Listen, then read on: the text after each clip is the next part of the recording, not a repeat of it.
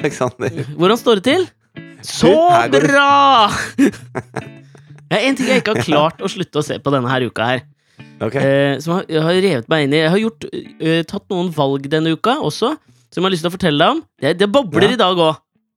Det bobler opp mot jula, vet du. Bobler hver uke. Ja, jeg merker sånn opp mot jula, så får jeg et eller annet nytt mindset. Hvordan ligger det an med julegaver og sånn, da? Nei, ikke kjøpt noen, men det skal jeg gjøre eh, når denne podden kommer ut, og folk hører på den. Da er jeg ute og handler julegaver. Å, så spennende. For jeg reiser til Dubai, skjønner du, på en liten sånn førjuls getaway, bare for å lade batteriene litt. Men eh, du, det, er, det er jobbtur, det Dubai-greiene, eller? Jobbsmobb. Altså, jobben er hobbyen. Altså, det er ikke jobb når du koser deg, pleier jeg å si, da. Nei. For jeg hørte litt rykter om at eh, de billettene dere egentlig hadde til Dubai, de gikk ikke allikevel, så du ble, du ble bumpa opp. Du ble dessverre bumpa opp til business. Business class, ja. Ja, jeg har, På på Emirates, Emirates. Airlines. Emirates, ja. Ja. Mm, mm. Så jeg blir Det som er så morsomt Har du flydd med det før? Nei, jeg har aldri flydd det før. For jeg er en nøktern gutt fra Tigerstaden, jeg, som ikke driver og kaster rundt seg med gryn og laks og løkringer alltid. Jeg har kikka inn gjennom den gardina på sånn business class når jeg har flydd eh, lange flyvninger. Mm. Og de har jo sånne uh, stoler som er sånn ovale eh, slags egg, Ja. hvor du kan legge deg helt ned. ja, og det kan bli seng, det. Å, fy Og så er det en liten det bar inni der, og du har Nei, litt sånn. For oss som på en måte liksom verdsetter de litt gode tinga i livet, da, som tar og jobber litt ekstra for å ha råd til å, å kose Ja. oss litt innimellom. Dorte Skappelen i deg. Dorte Skappelen i meg. Hun elsker det der. Ja, nei, men, men, men det som er, er fascinerende med det, at dette kan jeg jo sikkert prate mer om neste uke, men det er jo så ekstremt Dette her føles litt som en miniatyrversjon av hele liksom Av hele systemet vårt. Ta Dorte Skappel-analogien videre. Sier ikke Karpe et eller annet i den låta om at når du først har tjent flus, så er det jævla mye lettere å tjene mer flus? Og det er det jeg føler. Det bare baller Flus på avler flus. Flus avler flus!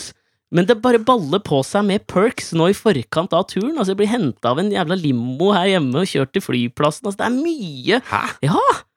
Hvorfor det? Nei, det er inkludert. Altså, I, det av hvem? ja, fra Er det disse emiratene som, som kjøper det til dere? Nei, altså, det er inkludert i business class. Når du kjøper business class-billett på Emirates, så, har blir- de, så blir du henta i limo hjemme. Nei! Ja, altså, Gjør du det? Ja, for faen. Så på lørdag så blir jeg altså I morgen så, blir jeg, altså, så står jeg klar klokka elleve, så blir jeg henta i limo og kjørt til Gjermund, altså. altså. Men, men eh, si du bor eh, på Strømmen, er sikkert greit. Si du bor på Gjøvik, da. Mhm. Tror du det gjelder der òg? Jeg Altså- tror det gjelder der òg. Bergen? Ja, men til Flesland, da? Eller for faen, det går ikke noe Nei, direkte nei, du må fly. til Gardermoen, da. Nei, det, det går, nei, det går ikke. Men kanskje du får litt ekstra god kaffe på den første flyvningen fra Fles Flesland til Gardermoen. Det kan godt være, hva vet jeg. Ja. Men jeg merker at det, det, det baller på seg. Og du veit at jeg liker komfort, så dette her Jeg, jeg ser, ser ekstremt fram til det.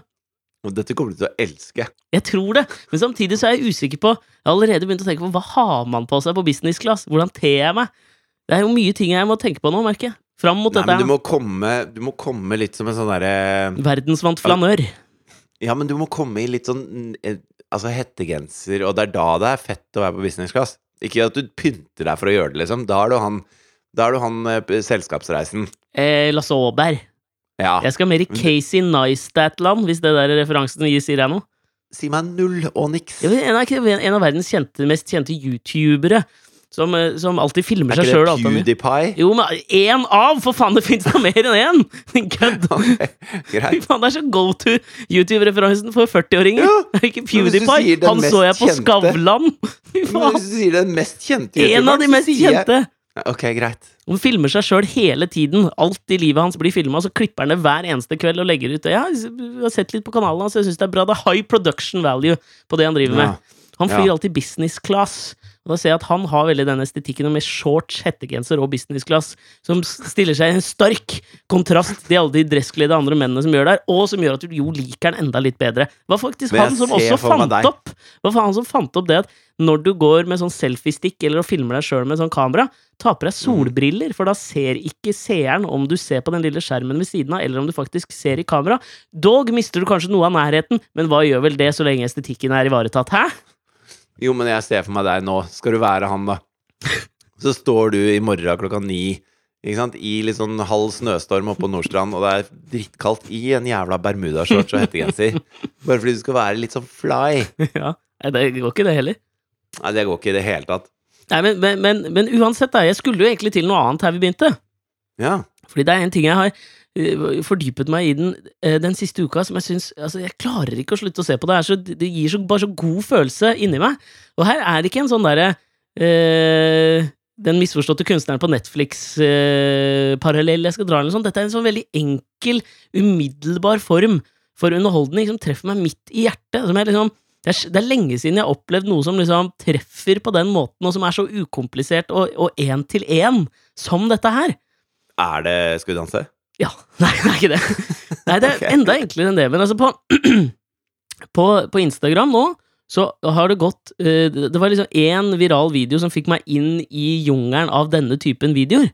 Og jeg er sikkert veldig seint ute til dette ballet, men det dreier seg altså om den videoen jeg så. Um, jeg skal faen meg nesten spille av litt av den for deg her, bare sånn at du kan få bli med litt i følelsen. Og jeg tror kanskje til og med lyden kan liksom være med å få lytterne litt inn i det, det mindsettet her. Ok. Oh. Ok, Her sitter en, en ung gutt og så ser på En ung noe- afroamerikansk gutt ser på en skjerm, Ja. he- masse folk bak en. Ja, det er tjukt av folk der. Og klikker. Og alle klikker. Ok, Og det er så han kom inn på, han kom inn på Harvard. Som 16-åring. Ja. Og, og, og det som er greia her, da, er jo at Men det, er, det er en slags sånn, eh, eh, sånn eh, Det minner jo om disse gjensynsvideoene. Ja, ja, sånn eh, ja. Eh, Army officer Ja, ja. comes home to his dog after two years in Ja, Afghanistan. det. Er, det er den bagen der. Ja, Erkeeksempelet på de videoene er jo som, og det treffer meg så jævlig òg. Altså Det er null ironisk design. Jeg synes det er helt nydelig når, når soldaten kommer inn på en eller annen sånn NBA-kamp eller NFL-kamp, og så er det. Og så roper de ut hele familien hans på center court, og så står de der ved siden av maskoten til laget, og så tar maskoten av seg hatten, og så er det faen meg Jeg begynner å grine! Det er jo så jævlig nydelig! Å, helle måned. Så det er Så, i den så det ånden. Å ja, så er det han, ja. Det var det du prøvde å si. Du ble jo helt, du ble helt jeg av det det er så jævlig nydelig. Og her, her er jo på en måte For meg er Men er, det, er den innafor det du er hekta på? Altså, sånn som han, denne kreftsyke gutten hvor hele politikorpset i byen eh, eh, kledde han ut som Batman, Ja, og så nydelig. lot de som om eh, liksom, en politimann var jokeren, og så skulle han redde jo Så ender det på en sånn fullsatt arena i pausen på en fotballkamp, og han da eh, takler jokeren i bakken, en tolv år gammel gutt med kreft, og Ja. som bare får opp, liksom, oppfylt sine villeste drømmer. Er, det- er det de videoene? Nei, den har for høy production value, syns jeg. Og det er derfor jeg har liksom kommet hit til den som dere hørte lyden av, som du så, så nå. Fordi den føler jeg på er, på, på ett nivå så er den enda tettere. Og den har et lag til som de andre videoene ikke har. Ja. For det jeg har havnet mye inn på, er uh, unge afroamerikanske mennesker som får nettopp denne beskjeden, da, at de er kommet inn på et eller annet college. Som kanskje er prestisjetungt, eller bare i hvert fall Og det er det altså, du, Det Det er litt Ivy League. Ja, men, og det trenger ikke å være det engang. Men det er jo mye av det, da. Det er mye Stanford, Harvard, Cornell Altså, det er mange av de. Ja. Um, Ja! Og, så, og for meg så adderer det et nytt lag i sånne videoer, akkurat den følelsen her, fordi at det um, Sånn som i denne, denne videoen her, så ser du at det er så ekstremt mange folk, og det oser veldig av den crowden at du er den, eh, du er den første fra familien på college-auraen. Ja. Fikk ikke du den følelsen litt òg? Altså, de tar jo så av at det er jo helt sjukt. Og for, for all del, du er jo en meget smart ung herremann hvis du kommer inn på Harvard i en alder av 16 år, så det er jo en uh, accomplishment i seg selv. Men det er liksom Ja. ikke det Altså, jeg, jeg merker at jeg driter litt i det. Det føles mer som en slags sånn Det er bare den urgleden Ja! i rommet. Som for meg legger til det laget om at dette handler ikke bare om at han kom inn på Harvard, det handler om at hele systemet er i ferd med å forandre seg. Skjønner du? Jeg føler at jeg legger alt inn i dette her nå. Og jeg klarer ikke å slutte å se på de filmene, og jeg griner, og det er snørr, og det er, og jeg, jeg elsker det! Altså, det er så jo, det er enkel sånn- underholdning, men det er så nydelig! Det har så mange lag! Jo, jo men jeg, altså jeg, skal ikke påstå at jeg er immun mot sånne ting i det hele tatt. Og jeg, jeg tror nesten jeg er enda litt sånn verre, fordi at det, eh, Facebook er jo et, eh, jævla ekkokammer. Så når Mm. jeg scroller nedover på telefonen min, så merker det, hvis jeg ser lenger på en video, selv om det ikke er lyd, Mm. så merker det at jeg hviler på den videoen.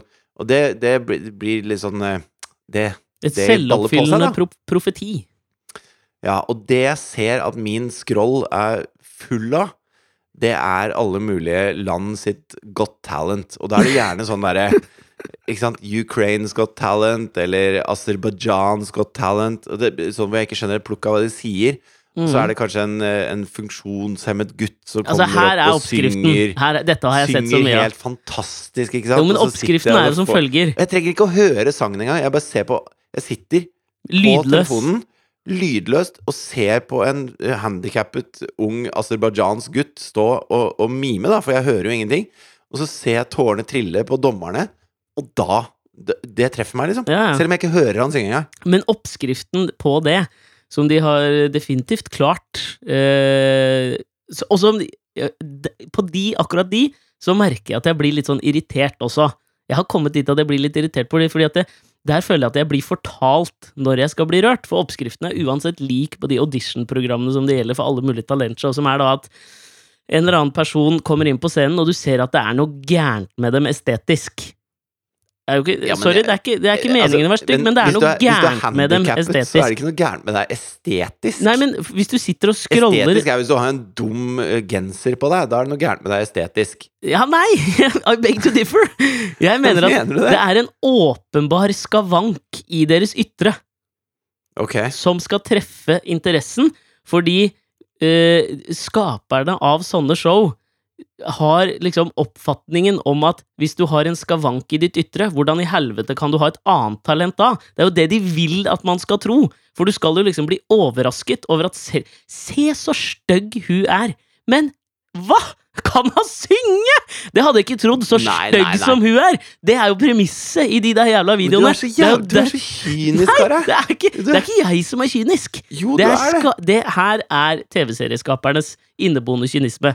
Det veit Altså- du. Altså, hvorfor altså, tror du men- Susan Boyle vant? Hvorfor tror du Paul Potts vant? det var fordi at det, ja, diskrepansen mellom deres ytre og talentet deres var så stor at folk ikke kunne tro at det var mulig å ha denne engelens røst med det skrekkens ytre. Og det er så Nei, men- minste Det er så minste felles multiplum av tåreframkallende at jeg blir litt kvalm inni meg, men jeg ser jo på det, da.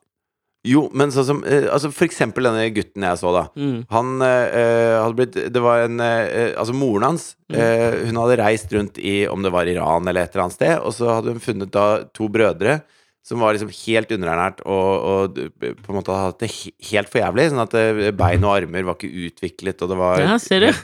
Nå er vi Ja, inne. og, og det syntes hun var så forferdelig å se på, så hun adopterte begge to. Og så har de da vokst opp i Ukraina, eller hvor faen det var hen. Ja. Eh, og så eh, kommer da denne gutten på, og Ja, Han, eh, altså, han var en av disse to brødrene? ja, Ja, dette og har jeg han, sett. Han, han mangler en arm og, Ja. og kan nesten ikke gå, ikke sant? ja, dette Og er så sett. synger han da 'Imagine', ikke sant? Ja, ja. Med, av John Lennon. Middels, helt no middels stemme. Ja ja, men det driter jeg i. Ja, at den fordi teksten bare- hans er så stor! Nei, fordi at Jo! han har vært gjennom en helvetes reise i livet, og så synger han 'Imagine'. Som manifesterer seg i en eller annen sånn derre stumparm. Hvor du tenker i alle dager at han tør å gå ut på den scenen der! Let Nei, alone det synge med den middelsresten sin! La Nei, oss sende han det. videre til neste runde, for Kjeften deretter å skuffe han siden han ikke når opp talentmessig. Det var bare den skavanken som gjorde oss interesserte i å lage en viralvideo. Fy faen, Nei, det er jo, det er jo nei, nei. jævlig kynisk! Altså, nå, men du er jævlig kynisk. Nei, altså, jeg bare call him like I see him. Nei, men det som er greia, er at det, han har en plattform der hvor han kan få lov til, selv om han ikke er verdens beste sanger, så kan han fremføre en låt som, som inkapsulerer en tekst som har noe med hans historie å gjøre, som gjør at jeg syns det er fuckings vakkert, da. Jeg driter i om han vinner eller ikke, jeg driter i om han går videre eller ikke. Jeg bare Jeg syns det var utrolig vakkert at det, at det er rom for det. Det er rom for å la han fortelle historien sin gjennom en sang. Ja, men det er jeg helt enig i, men jeg lever ikke i den der naive villfarelsen om at det er på en måte en eller annen altruistisk godhet fra Simon Fuller og Psycho Entertainment som eier formatet Idol, hvor de tenker la oss lage en plattform hvor vi lar skavankfylte folk med en sterk historie dele du- sin historie gjennom en middels godt framført sang. Det var jo faen ikke det de tenkte! Du har en jævla skavank. Altså, du vet også de sier at hvis du, hvis du tar en tur på pølsefabrikken, kommer du aldri til å spise pølser igjen. Ja. Du har jobbet for lenge på reality-fabrikken, på TV-fabrikken. Du har ikke noen følelser igjen for det greiene der. Jo, men ja. For deg så er det det som gjør at det, som gjør at det framkaller følelser for deg, er hvis produksjonsverdien er lav. ja Da er tør du å føle noe. Ja, det er helt Fordi da føler du ikke at du blir brukt. Du har vært for lenge inni i det jævla glasshuset som er TV-bransjen. Så du må bare komme deg ut.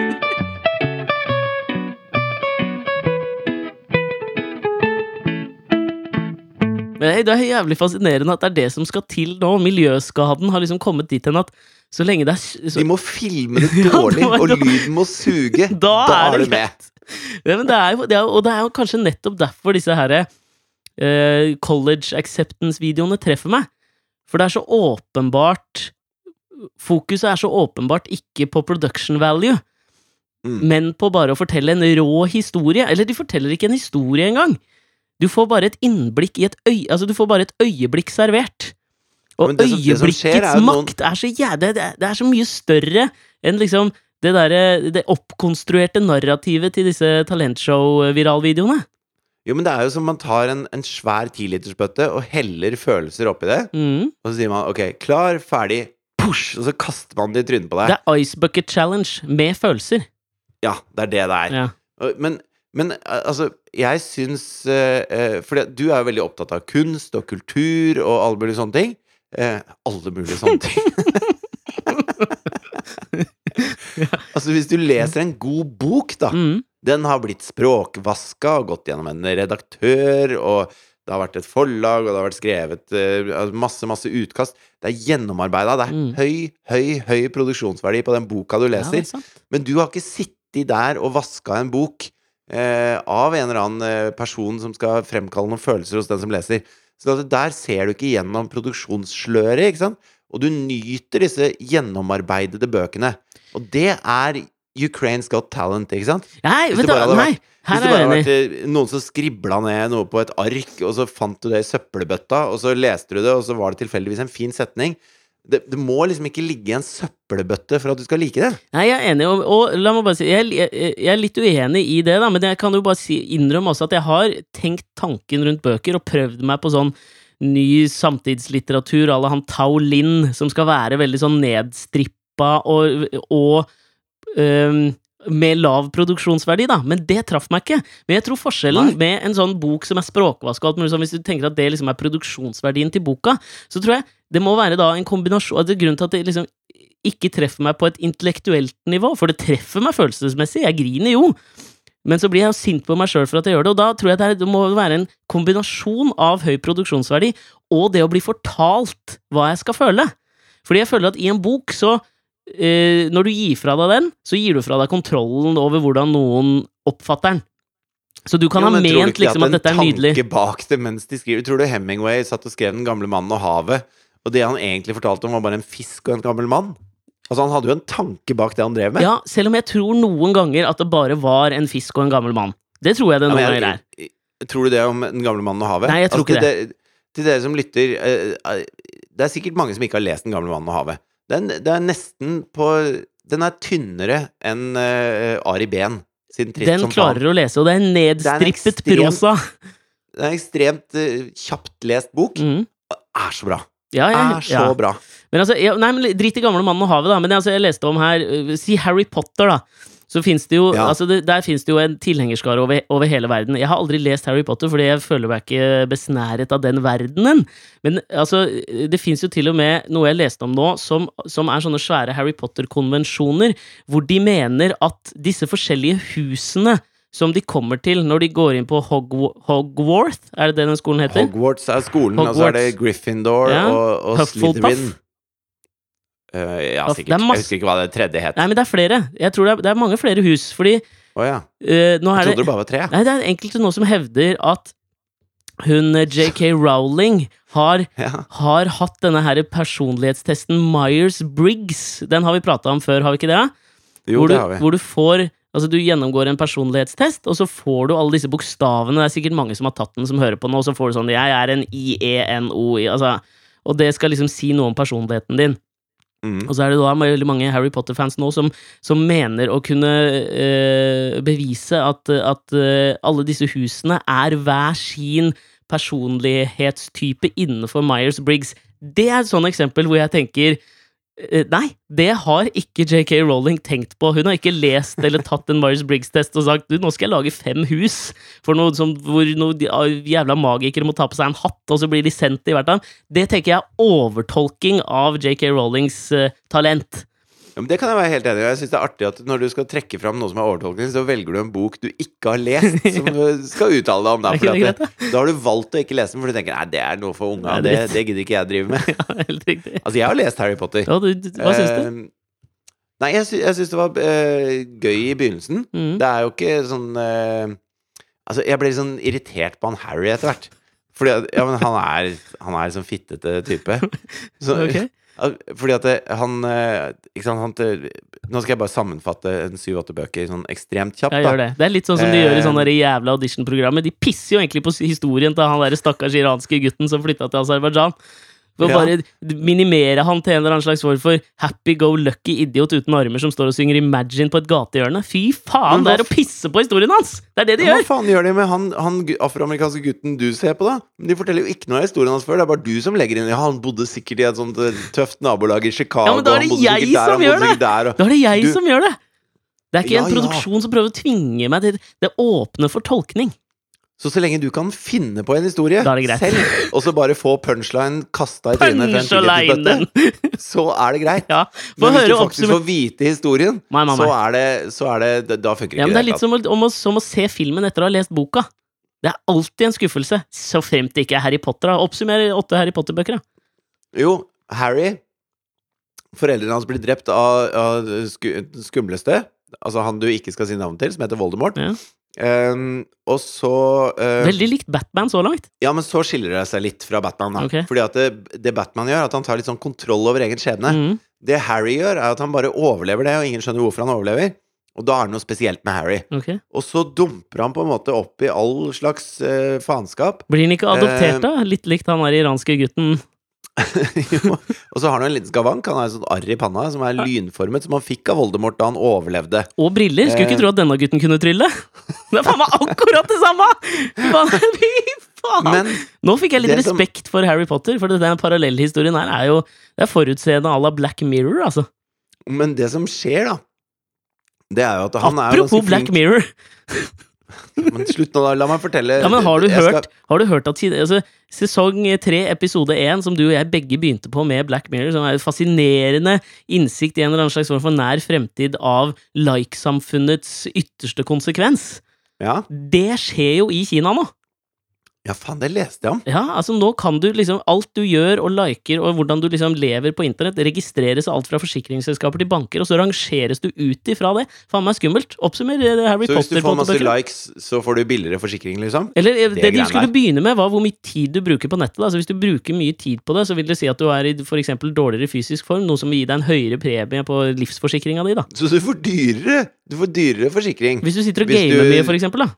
Ja, For da har de samme fordommene som oss, at du velger ikke light-øl og litt sånn der uh, sunne chips. Da er det cheese doodles og pokal.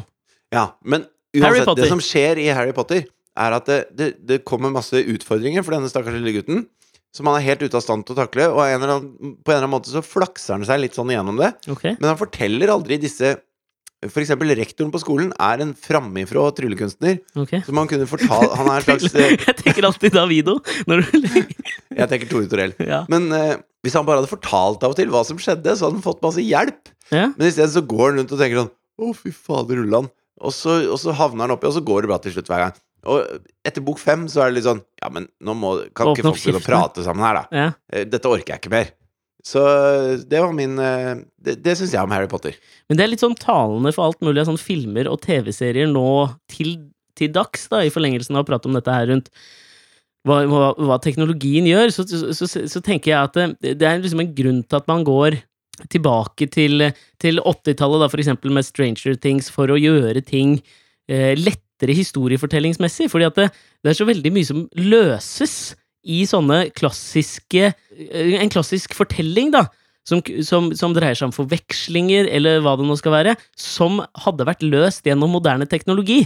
Hvis de hadde hatt en mobiltelefon i Stranger Things, så hadde det ikke vært noe problem. Nei, det hadde løst seg Det hadde hjulpet noe innmari. Så man må på en måte finne på sånne ting som gjør at det blir plausibelt, det som skjer. Altså, tenk, du, bare hvis du liksom ser på den siste, ikke den siste, den derre Woody Allen-filmen fra Roma. Han lagde jo sånn flere forskjellige filmer om forskjellige byer, ikke sant? Barcelona, Ja. Roma, alt mulig sånn. Så det er et sånn typisk eksempel der. For at historien hans skal funke, så er en av hovedpersonene nødt til å miste mobilen sin, for da kan forvekslingene oppstå. Og det er jo et sånt problem man kommer til å møte på, tenker jeg, framover, da, hvis man skal begynne å fortelle historier, er jo at Ja, Harry, åpne opp Du, bare ring. Bare ring hjem, da.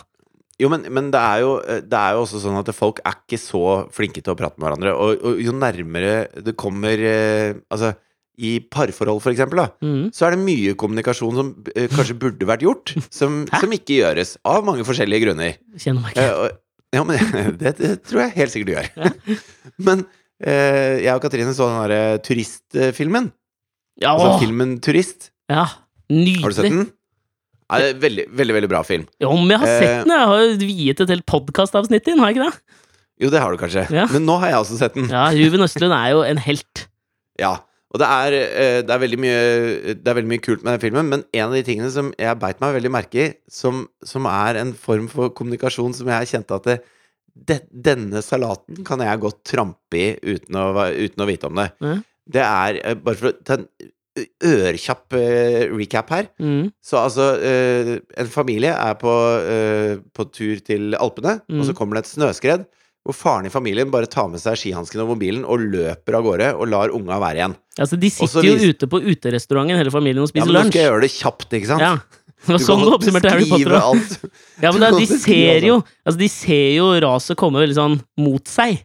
Ja, og så tenker de at det kommer jo ikke helt hit, og så plutselig skjønner de faen, nå kommer det, liksom. Ja. Og da beiner han pappaen, han kaster unna en annen fyr også på veien, Mm. og beiner vekk uten å ta med seg unga, mens moren eh, tar armen, en arm om hver unge, og så står de i den snøføyka, og så viser det seg at eh, skredet kom jo ikke helt fram. Så det gikk jo bra, dette her. Så han faren må gjøre tidenes familiære walk of shame tilbake til det bordet og sette seg ned. Ja. Og så prater ikke de sammen om dette her. Nei. Og, og det er eh, Det ligger som en sånn tykt teppe av usakthet rundt denne familien. Og hun, kona hun klarer ikke helt å ta det opp med han. Det er tydelig at det, de har ikke verdens beste kommunikasjon i utgangspunktet, den familien der. Nei, men la oss si at akkurat, akkurat sånne situasjoner er øh, så jævlig Ruben Østlundske, i likhet med at sånne skavank-auditioner er øh, talentprogram øh, Er liksom skinnet til ta talentprogrammer. Det er, det er Ja. deres claim to fame. Og det er hans Men- claim to fame. Men det jeg syns nesten var mest interessant, hvor jeg kjente sånn Oi, det der må jeg passe meg for. Mm. Det er en scene hvor hun kona da Hun finner ut at hun klarer å ta det opp når det er andre i rommet. Så hun gjør det først over en middag, Ja. som blir bare dritklein. Ja. Og så har de da et vennepar som kommer på besøk, og de sitter på hotellrommet, og det er bare de fire. Mm. Og da forteller hun altså nøyaktig hvordan hun opplevde at, denne, at mannen hennes bare stakk av fra henne og ungen hennes og, og lot de da- daue, liksom. Og dreit i alt annet enn seg sjøl. Og så kommer da Kristoffer Hivju, som spiller kompisen til denne familiefaren, inn, og eh, du, jeg skjønner hva som skjer i huet hans, liksom. Han tenker dette er noe av det kleineste jeg har vært med på i hele mitt liv. Dette er helt for jævlig. Jeg er nødt til å prøve å roe den situasjonen her. Så det han gjør, da, er at han finner på da grunner til hvorfor det er greit at han pappaen bare løp. Ja. Ikke sant? For å, for å prøve å deeskalere hele situasjonen. Mm. Og det han da klarer å gjøre, er at det plutselig er han et like stort rasshøl, ikke sant? Og dama hans blir helt sånn Men fy faen, du er jo bare helt håpløs. typ. Altså, han Bare ved å prøve å løse en konflikt, så er han plutselig like ille som denne familiefaren som ikke tar noe ansvar for unga sine. Og der kjenner jeg meg Der kan jeg kjenne meg litt igjen.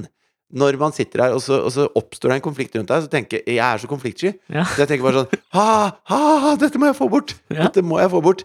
Det kan jo være at han kanskje tenkte sånn og sånn og sånn.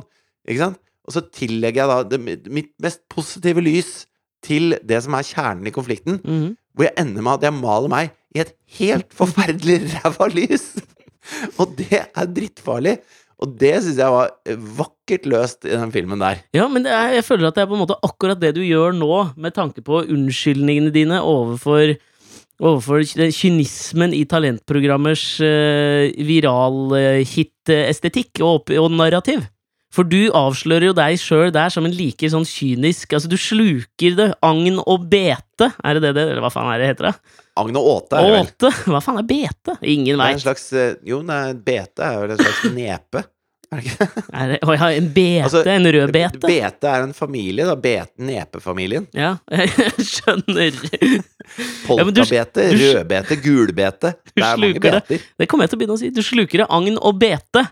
Nei, ok. Eh, Og er der med på en måte um, ufarliggjøre og videreføre denne forferdelige dette men er forferdelige det så- narrativet. Er det så farlig, da? Ja, for det Er det sier så noe ja, men Det er her vi to skiller hverandre, for her mener jeg at dette sier noe større om oss som menneskehet, og som mennesker som skal forholde seg til hverandre.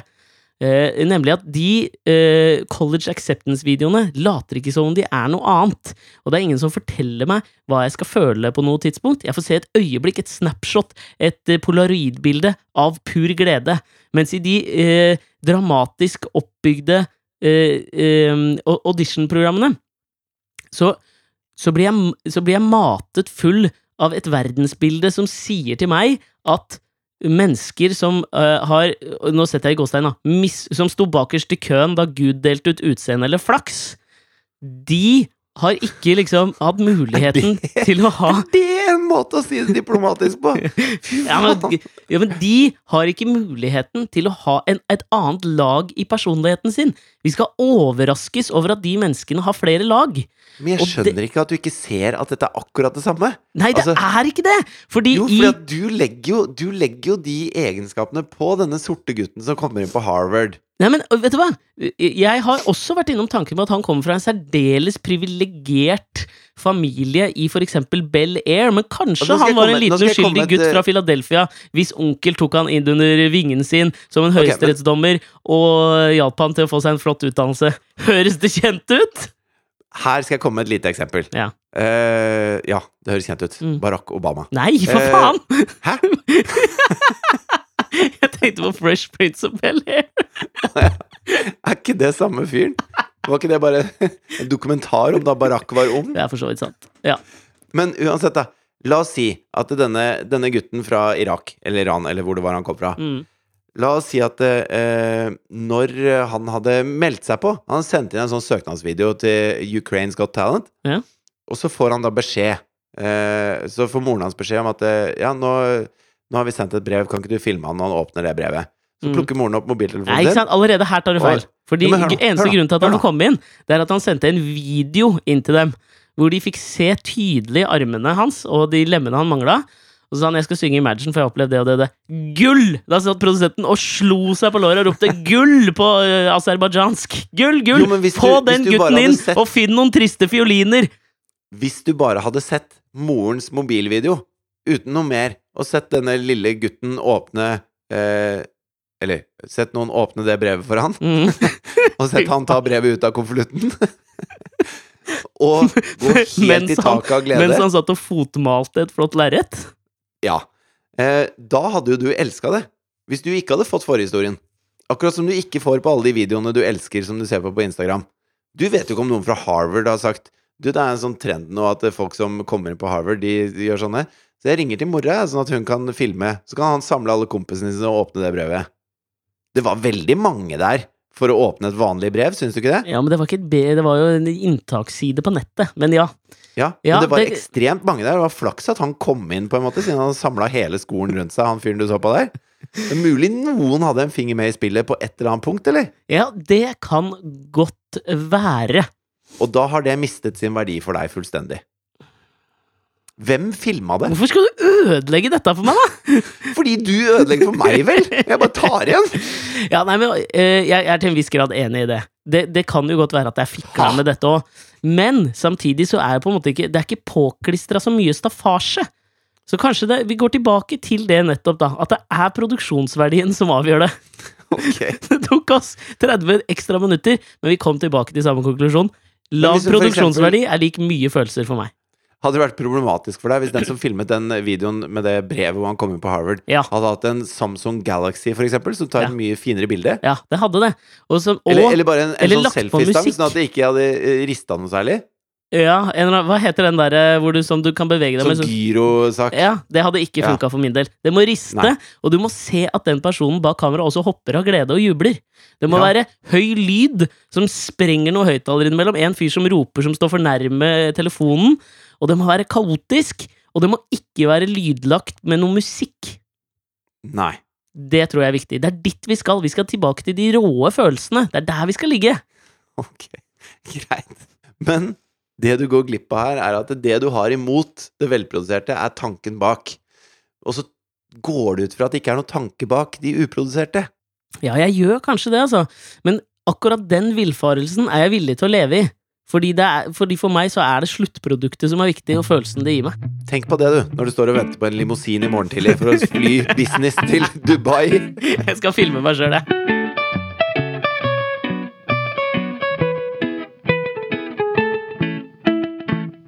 Men du, før vi gir oss uh, denne uka, skal vi bare touche innom, ettersom vi har jo uh, Vi har viet Roy Moore mye tid uh, i løpet av denne valgkampen i Alabama.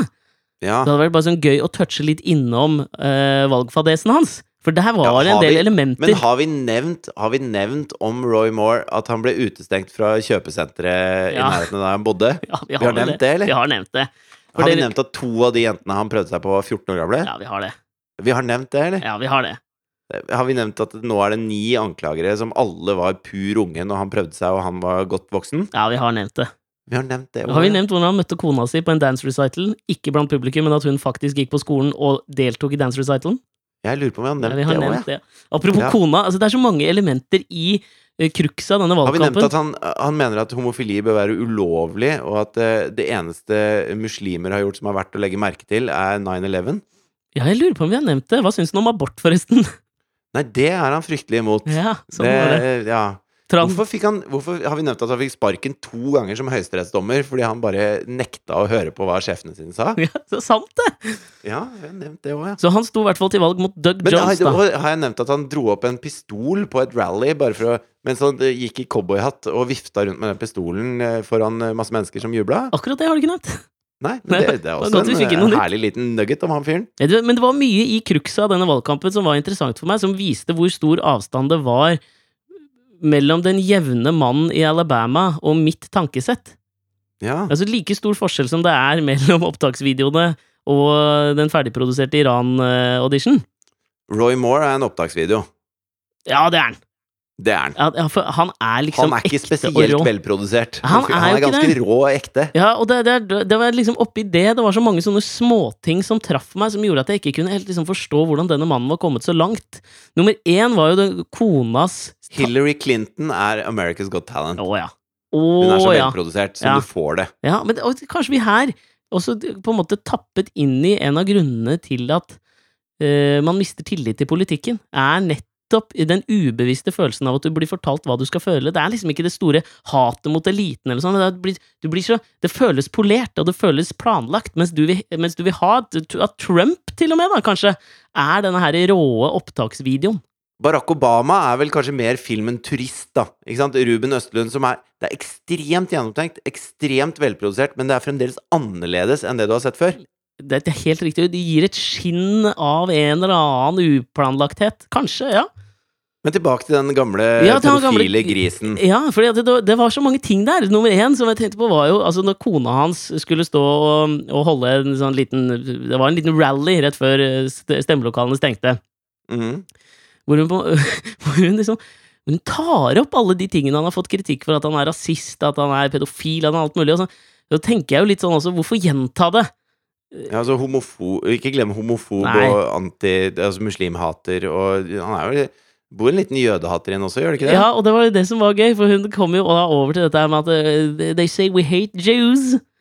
Og så liksom Ja. lener hun seg framover litt sånn med glanende øyne utover, utover liksom folkemengden og sier sånn One of our lawyers is a Jew! Hva har dere å si til det? Og det er bare sånn bare Snakk å bekrefte stereotypien, liksom.